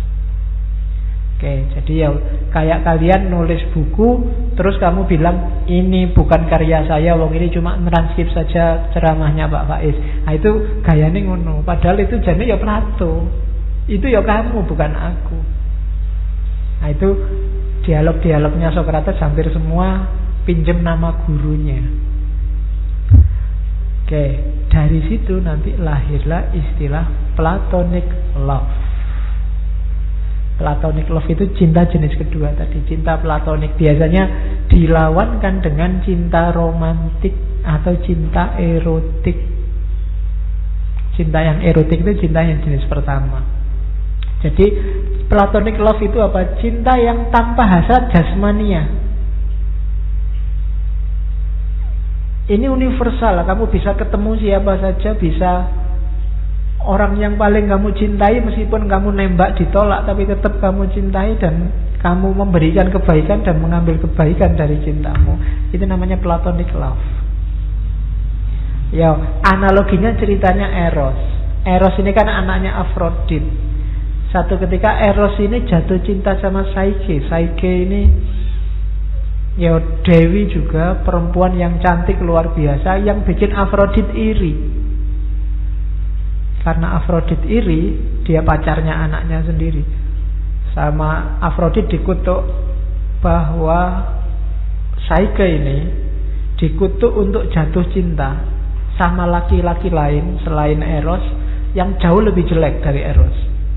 Ya karena yang untuk Dewi kutukan itu kejadian meskipun Eros dan Saike ini saling mencintai tapi akhirnya berpisah.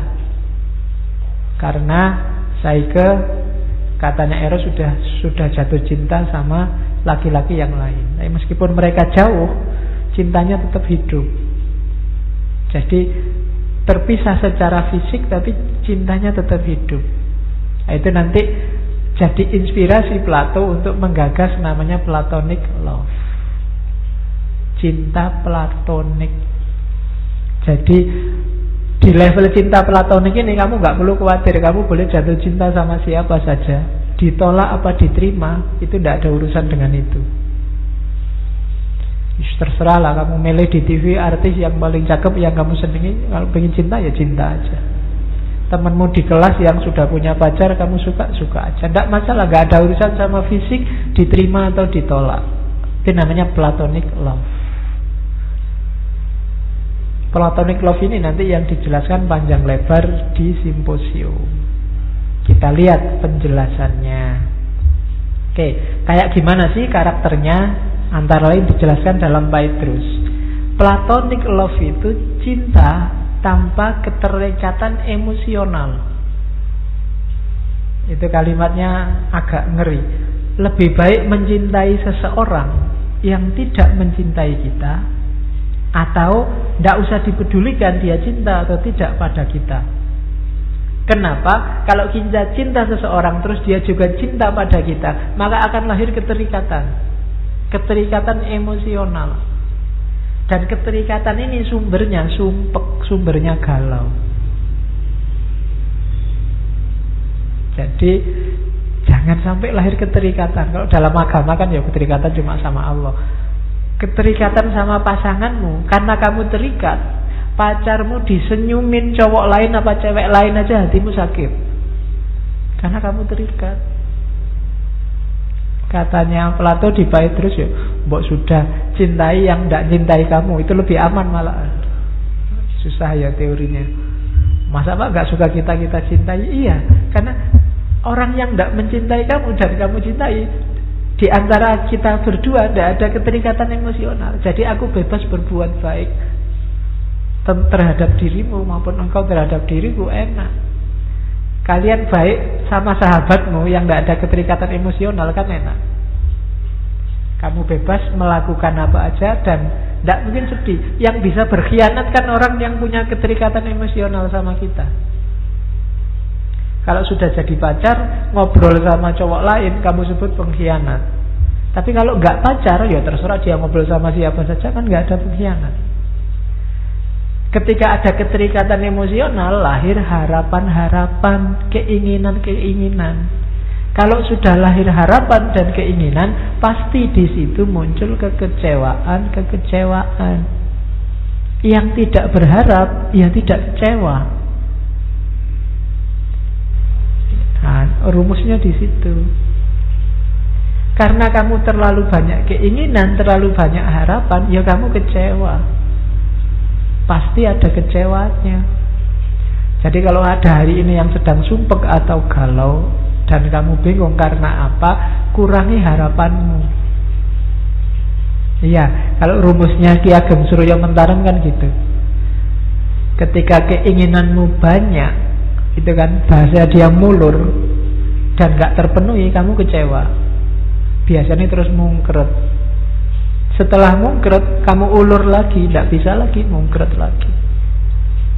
Jadi tidak, jangan terlalu banyak harapan. Berbuat baik, berbuat baik aja. Tidak usah diembel-embeli apa-apa. Kalau dalam agama ikhlas saja, tidak usah pamrih apa pun. Jadi cinta tanpa keterikatan emosional. Oke. Nah, malah kalimatnya Pak Idrus itu ngeri. Cinta yang emosional membuat pecinta dan yang dicintai jadi bodoh, menjijikkan. Kalimatnya agak nggak enak. Cinta semacam ini ibarat cintanya serigala kepada domba.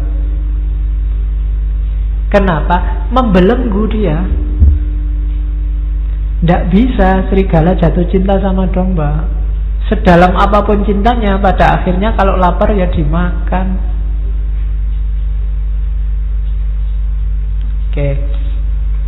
Jadi jangan deh, jangan ada keterikatan emosional. Suka boleh, tapi tidak usah bikin komitmen macam-macam, nggak usah terlalu dalam secara emosi. Bikin komitmen tidak apa-apa, wis.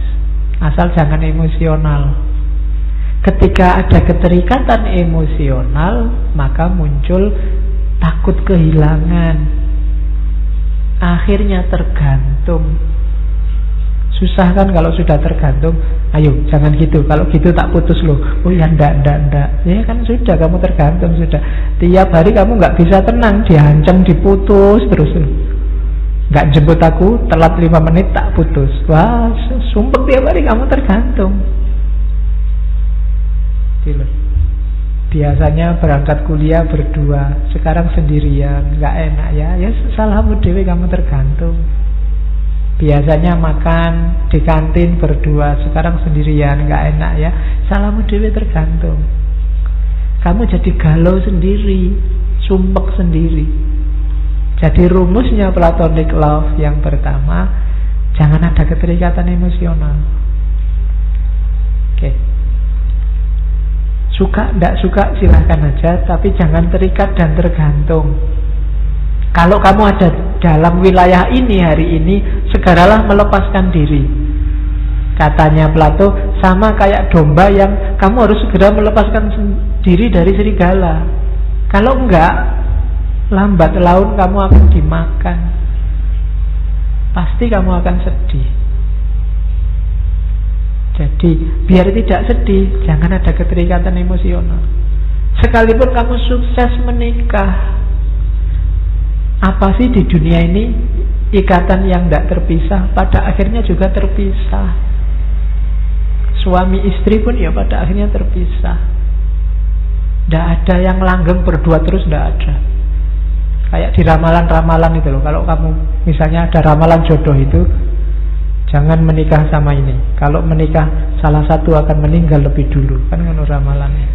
Nek saya ya mending alhamdulillah kalau meninggalnya bareng itu malah gawat. Biasanya meninggal bareng itu kecelakaan. Ya enak meninggal salah satu gantian. itu lebih aman. Kalau meninggalnya berdua ya malah ngeri biasanya momennya.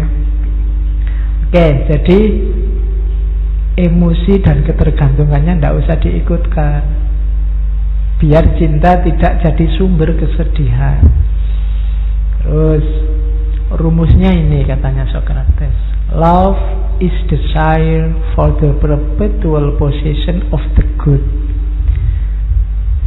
Ini loh sebenarnya cinta itu katanya Socrates. Kalau kamu bisa sadar sebenarnya kenapa kok kamu suka sama lawan jenis, kamu kadang cinta sama sesuatu, apa pun sesuatu itu, itu apa? Ada desire, love is desire. Yang kamu inginkan sebenarnya kebaikan, tapi kamu nggak sadar.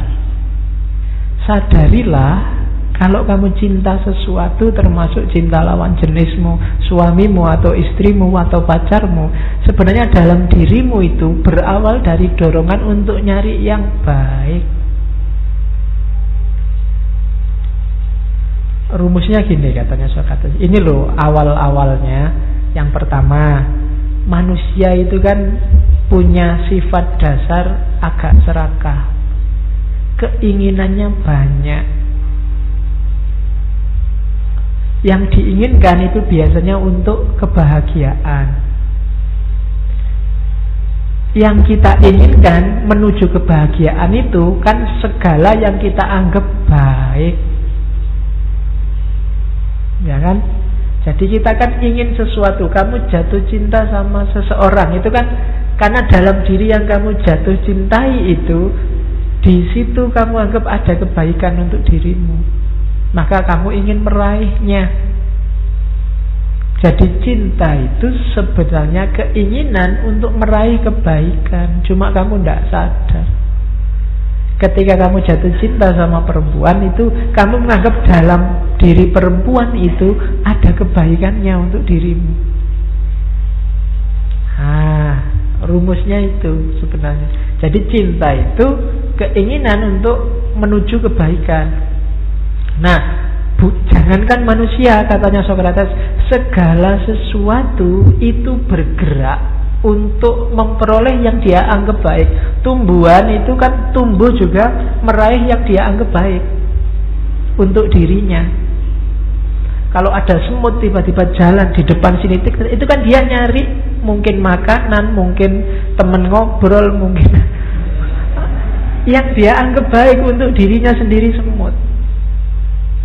Itulah cinta. Jadi makanya katanya Socrates loh, alam semesta ini bergerak karena cinta. Apa? Keinginan untuk sesuatu yang dianggap baik. Gitu. Apa pun yang kamu cintai itu kan dalam diri yang dicintai itu ada kebaikannya yang kamu inginkan berbuah. Bahkan bukan manusia saja, alam semesta juga begitu. Ketika sebatang pohon tumbuh, dia kan juga tumbuh sesuai kebaikan-kebaikan yang ada dalam dirinya, yang ingin diwujudkan. Nah, jadi hakikatnya itu. Itu loh.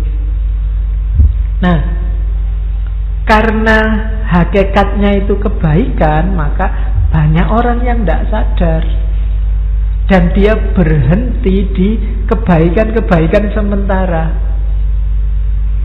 Kebaikan sementara ya kayak tadi, cinta perempuan hanya pada jasmaninya saja, cinta sesuatu hanya di level emosinya saja dan seterusnya. Ah, ini kebaikan sementara. Kalau orang ini sadar, ilmunya banyak, nanti dia akan sadar bahwa, loh, ada yang lebih baik lagi. Ada yang lebih baik lagi, ada yang lebih baik lagi. Sampai puncaknya sang maha baik, sang maha indah. Nanti dijelaskan oleh Ghazali itu kan dalam Ihya itu. Kalau kamu cinta yang cantik, yang indah, maka siapa lagi yang maha cantik? Kalau kamu cinta pada yang bisa membantumu, bisa memenuhi keinginanmu, kalau kamu sadar siapa sih di dunia ini yang paling mampu memenuhi keinginanmu, kalau bukan dia. Kalau kamu cinta pada dan seterusnya itu nanti di Ihya-nya Ghazali. Jadi cinta itu keinginan untuk menemukan kebaikan untuk hidupmu dan kalau kamu sadar kebaikan itu tidak cuma itu. Harus kamu lampaui keterikatan fisik, keterikatan emosional tadi. Oke. Ini saya sisipkan sebentar. Apa sih baik dan indah itu? Kalau di Plato, baik dan indah itu adalah sesuatu. Baik dan indah itu harmoni. Keindahan itu harmoni. Harmoni itu apa? Harmoni sesuatu yang lahir dari hubungan yang pas. Harmonis itu namanya. Hubungan yang pas itu apa? Segalanya bermain pas sesuai proporsinya. Itu indah. Laptop itu ada di sini di depanku. Mikrofonnya di sini, tehnya di sini. Ini kan kalau dalam bahasa itu harmoni pas, dia main sesuai perannya masing-masing. Kalau saya ngomong di sini, laptopnya di sana, terus mikrofonnya di belakang sana, lah sumpek aku kalau mau ngomong harus ke sana sana. Tidak pas, tidak harmonis. Jadi maka harmoni itu apa? Ketika variabel-variabel yang ada memainkan peranannya secara pas dan proporsional. Hakim ya jadilah hakim. Yang benar Yang gubernur jadilah gubernur yang benar. Ulama ya jadilah ulama yang benar. Itu harmoni. Jadi harmoni itu bukan kok tenang, damai, nggak ada masalah Enggak Harmoni itu ketika semua unsur main Sesuai perannya masing-masing Secara proporsional. Gitu loh. Yang politisi ya jangan jadi ulama yang ulama ya jangan jadi pemain bola, yang pemain bola ya jangan jadi gubernur, yang artis ya jangan jadi dan seterusnya. Mainkan sesuai porsinya masing-masing. Di lahir harmoni. Kalau harmoni lahir, di situlah ada keindahan. Dan kalau sesuatu sudah bermain sesuai porsi dan proporsinya, itulah kebaikan. Jadi yang indah pasti baik, yang baik pasti indah. Itu. Itu rumusnya. Dan itu yang kita kejar. Orang itu sebenarnya mengejar ini. Kebaikan dan keindahan. Porsi dan proporsi yang pas. Yang baik untuk dirimu ya berarti yang pas secara proporsional dan porsional.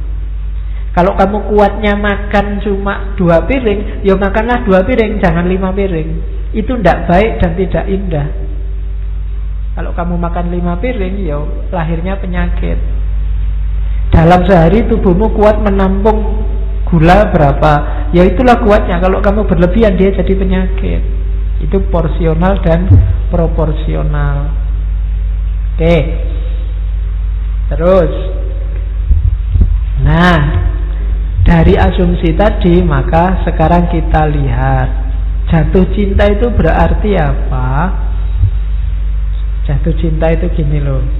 Berawal dari kesadaranmu untuk nyari kebaikan. Kebaikan untuk apa? Untuk dirimu. Kenapa kamu nyari yang baik untuk dirimu? Karena kamu tahu hidupmu itu tidak sempurna, ada kurangnya. Kamu butuh yang lain, yang baik untuk membuat hidupmu baik. Kesadaran inilah yang membuatmu jatuh cinta pada yang di luar dirimu. Kenapa kamu nyari pacar yang lembut? Karena aku sadar pak diriku ini kasar. Kok kamu nyari yang cakep-cakep? Saya jual lagi pak. Iya, nyari yang indah. Orang itu selalu nyari yang dia tidak punya. Nah, jadi yang dia anggap baik untuk dirinya karena dia sadar dalam dirinya ada kekurangan-kekurangan. Oke. Nah, oleh karena itu apa? Hakikatnya orang jatuh cinta itu dia harus harusnya kalau dia jatuh cinta hidupnya semakin baik. Kenapa? Karena kekurangannya dilengkapi disempurnakan oleh yang dicintai. Karena punya pacar yang sangat sabar, sedangkan kamu aslinya pemarah, lama-lama kamu nggak pemarah lagi, belajar dari pacarmu. di situlah harusnya orang jatuh cinta. Jadi jatuh cinta itu jangan saling mendikte. Tapi salinglah terbuka untuk belajar, untuk saling bikin lebih baik. Itulah cinta. Jadi ketika tanpa cinta kemarin kamu sepi, mudah galau, mudah marah, kualitas hidupmu rendah, besok setelah kamu jatuh cinta ada yang membantu kamu untuk meningkatkan ini. Ya cinta nggak cuma sama pacar, mungkin sama guru, sama teman. Bersama-sama mewujudkan kualitas hidup yang lebih baik. Maka nggak usah takut pak, jangan-jangan kalau saya pacaran musyrik pak, Allah jadi nggak nomor satu lagi loh. Caranya jangan begitu. Bersama-sama pacarmu berdua nomor satukanlah Allah bersama-sama orang tuamu mengesahkan Allah menjalankan perintahnya. Jadi nggak kok terus menyembah orang tua, menyembah pacar, nggak kok terus menuhankan kiai, tidak begitu. Bersama-sama kiaimu kamu karena cinta pada ustadzmu, pada kiaimu, kamu belajar untuk semakin dekat sama Allah. Karena kalau kamu sendirian, kamu tidak bisa mendekat sama Allah, kurang ilmunya, dibantu oleh kiai. Jadi cara berpikirnya begitu. Bukan kok kiai kok dijadiin Tuhan, pacar kok sampai segitunya kayak enggak. Bukan dengan cara kamu punya pacar terus Allahnya hilang, enggak begitu harusnya. Justru dengan punya pacar, dulunya kamu malas ke masjid, sekarang rajin ke masjid. Kenapa? Pacarnya yang nyuruh, enggak apa-apa. Jadi kemarin males ngaji, sekarang rajin ngaji. Kenapa? Ada yang diincar di antara yang ngaji misalnya. Ya tidak apa-apa. Ha, jadi situasi jatuh cinta itu arahnya ke situ, ke hidup yang semakin baik. Karena hakikatnya jatuh cinta itu kamu sedang nyari yang baik untuk hidupmu. Oke, nah tempuhlah jalan ini akhirnya katanya Plato. Gini loh, biar kamu bisa naik kelas dalam cintamu. Jadi jalan cinta itu yang pertama tidak apa-apa wis, diawali dari fisik. Cinta hanya pada satu orang. Tapi belajar terus katanya Plato, cari ilmu terus sampai kamu paham bahwa eh kalau itu fisik ternyata ini cantik, itu juga cantik. Ini indah, itu juga indah. Banyak. Nah, karena itu apa? Kalau sudah kamu sadar kecantikan itu banyak, tidak bisa didasarkan pada jasmania, naiklah kelas. Jangan jatuh cinta lagi hanya pada satu yang indah, tapi jatuh cintalah pada semua keindahan. Ini levelmu naik lagi sudah, bukan lagi pacaran fisik. Kayak yang disebutkan oleh Socrates. Terus level ketiga, sadarilah ternyata ketika kamu jatuh cinta pada semua keindahan, ternyata sadarilah keindahan ruhaniah itu ternyata jauh lebih indah daripada keindahan jasmania. Jadi jatuh cinta pada satu orang, jatuh cinta pada semua yang indah, dan sekarang jatuh cinta pada sifat keindahan, sifatnya jiwa.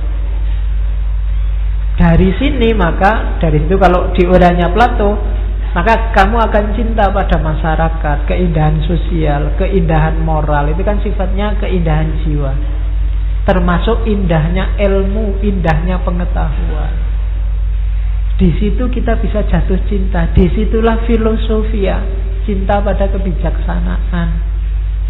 Filsafat ada di level ketiga. Ketika kamu sadar bahwa keindahan jiwa itu lebih indah daripada keindahan fisik keindahan intelek, keindahan pikiran itu lebih tinggi dibandingkan keindahan fisik. Itu level ketiga. Terus level keempat, level yang paling tinggi apa? Kalau kita sudah sadar bahwa keindahan jiwa itu penting, selanjutnya kita bertindak, berperilaku, berpikir, ngomong atas dasar keindahan tadi. Ini level cinta yang paling tinggi pikiran kita, kata-kata kita, keyakinan kita, perbuatan kita, semua atas dasar keindahan yang sudah kita pahami. Inilah hidup atas dasar cinta. Jadi cinta itu tidak berhenti kamu kawin.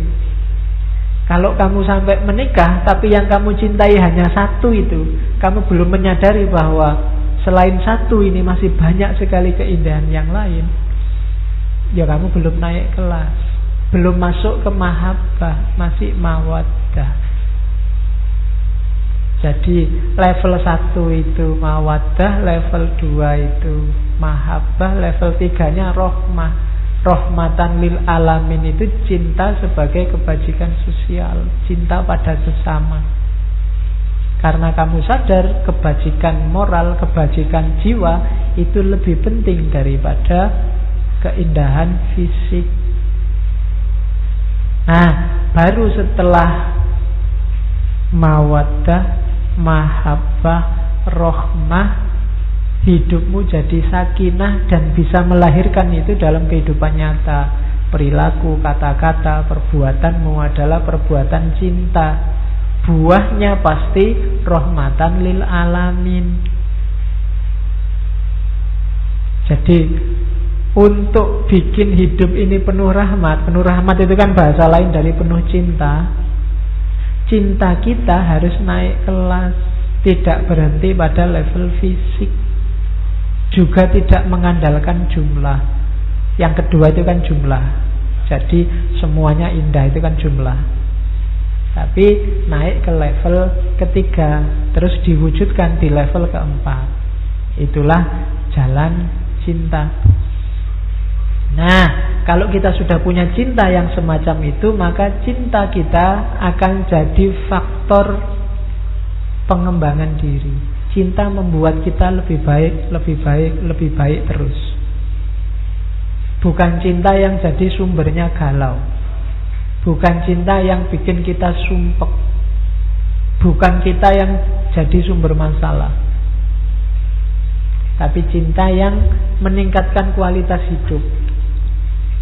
Cinta yang tidak egois Cinta yang tidak aku Dengan cinta yang semacam ini Kita sadar bahwa Oh aku ini tidak lengkap Aku butuh yang lain. Butuh kebaikan yang semakin baik Semakin baik.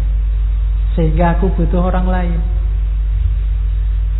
Nah ini di kalimat terakhir itu saya sebut Teori ini antitesis dari yang bilang bahwa kalau kamu jatuh cinta, biarkan pasanganmu apa adanya. Lu apa adanya kalau bagus tidak apa-apa, kalau apa adanya jelek ya jangan. Harus semakin bagus. Kalian berdua harus semakin baik, semakin baik. Kuhargai dirimu apa adanya. Meskipun kamu tukang bohong ya tidak apa-apa. Bohong aja sesuai jati dirimu. Ya tidak begitu. Kan sekarang banyak teori yang bilang bahwa kalau kamu mencintai biarkan dia apa adanya, jangan dipengaruhi. Ya kalau pas baik semua sih tidak apa-apa. Tapi kalau ada yang jeleknya ya jangan. Jadi cinta itu saling memberdayakan untuk pengembangan diri. Oke. Ya, sudah jam 10. Ada beberapa kalau Plato itu kaya kutipan karena tulisannya banyak. At the touch of love, everyone becomes a poet. Kalau sudah jatuh cinta, setiap orang akan jadi sastrawan. Ya, cirinya gampang sekarang. Kamu cek ya Facebooknya teman-temanmu. Ketok eh kok jomblo kok tiba-tiba nulis puisi-puisi tiap hari. Jangan-jangan sedang ada yang diincar. Karena at the touch of love everyone becomes a poet. Jadi sastrawan. Tapi tidak apa-apa lah. Paling tidak kan bisa melahirkan puisi meskipun ditolak. Oke. Okay. Terus there are three classes of men. Urusan cinta-cintaan manusia terbagi tiga lovers of wisdom lovers of honor and lovers of gain. Jadi yang paling awal levelnya paling tinggi. Silahkan kamu cermati dirimu masing-masing. Kamu itu pecinta kebijaksanaan atau pecinta kehormatan, status sosial, ataukah pecinta pemerolehan. Pemerolehan itu ya tidak cuma harta. Pemerolehan itu punya pacar banyak, dapat pacar apa, berapa dan seterusnya itu kan pemerolehan. Kalau kamu hanya fokus di sini, yaitu levelnya level paling rendah, lovers of gain, pencapaian-pencapaian. Ada yang lovers of honor, kehormatan, yang dicintai statusnya. Ada yang lovers of wisdom, pecinta kebijaksanaan. Jadi nanti di teorinya Socrates dan Plato kemarin kan level kebijaksanaan paling tinggi itu adalah filsafat. Level cinta paling tinggi juga adalah filsafat. Lovers of wisdom. Itu tiga kelas manusia. Love is the joy of the good, the wonder of the wise, the amazement of the gods. Cinta itu kegembiraan dalam kebaikan, the wonder, ketakjuban dalam kebijaksanaan dan kebesaran dalam ketuhanan. Cintamu coraknya harus ini, cinta yang gembira, cinta yang menakjubkan, cinta yang mengagumkan. Jangan cinta yang merusak dan menggalaukan. Oke. Ini tidak ada hubungannya sama cinta, cuma untuk nyindir hari ini aja. Wise men speak because they have something to say. Fools because they have to say something. Orang bijaksana itu mereka ngomong kalau merasa ada yang penting untuk diomongkan. Kalau enggak ya diem aja. Enggak usah posting-posting, enggak usah nyebar-nyebar, enggak usah share-share. Tapi orang bodoh itu mereka ngomong, mereka share karena merasa butuh untuk share, butuh untuk ngomong. Daripada grupnya sepi, tak share ah, nah, itu fools. Tidak ada gunanya ngomong, mbok ya jangan ngomong. Tidak ada manfaatnya ngomong, mbok ya jangan ngomong. Itu katanya Plato fools because they have to see something. Sekarang banyak orang kayak gini. Jadi Tidak jelas yang dia bagi apa itu loh Dibagi Sudah dibilangin Eh jangan nyebar hoak Ya hoaknya tetap disebar Cuma dikasih kalimat Semoga ini bukan hoak ya. Oke Ya pada Terakhir ini Don't let anyone rent a space in your head Unless they are a good tenant. Jangan biarkan siapa pun menyewa tempat di kepalamu. Kecuali mereka penyewa yang baik.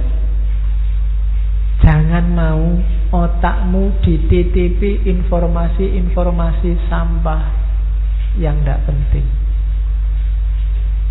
Buangan Yang bikin susah Bikin kamu marah tidak jelas karpe opo bikin kamu seneng juga tidak jelas karepe opo. Itu berarti otakmu sedang jadi persewaan ide. Jangan mau, jangan disewakan pada orang yang tidak jelas. Pakai teorinya Socrates yang sering saya bilang diceritakan di mana-mana tentang triple filter. Jadi terimalah informasi hanya yang baik, yang benar dan bermanfaat. Itu kan kayak ceritanya Socrates suatu ketika ditemui temannya, "Eh, Socrates, sudah dengar gosip belum tentang dirimu dan murid-muridmu dari orang-orang?" Jawabannya Socrates, "Sik sebentar. Sebelum kamu ngomong gosipnya, yang kamu omongkan itu benar apa salah? Jawab dulu." Jawabannya temennya, Ya ndak tahu ya wong namanya gosip eh. Gosip itu ya bisa benar bisa salah. Oke, yang kedua, yang kamu omongkan itu tentang hal yang baik apa hal yang jelek? Ya namanya gosip itu biasanya tentang yang jelek-jelek, yang baik-baik ya ndak jadi gosip. Yang kedua, oke. Filter yang ketiga, kira-kira kalau aku ngerti gosipmu itu ada manfaatnya ndak buatku? Jawabannya temennya, ya kelihatannya ndak sih, oh, kamu sudah pinter apa-apa ngerti, ndak ada manfaatnya, mungkin buat apa juga. Ah, terus jawab, lo kalau gitu kamu ndak usah ngomong. Wong yang kamu omongkan itu sesuatu yang ndak mesti benar, bukan hal yang baik, dan nggak ada manfaatnya bagiku. Dalam ngomong yang lain aja. Ah, filter ini pakailah untuk semua bidang hidupmu hari ini termasuk medsos.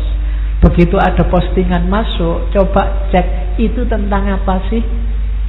Kira-kira sudah pasti kebenarannya apa belum? Isinya baik-baik apa jelek-jelek?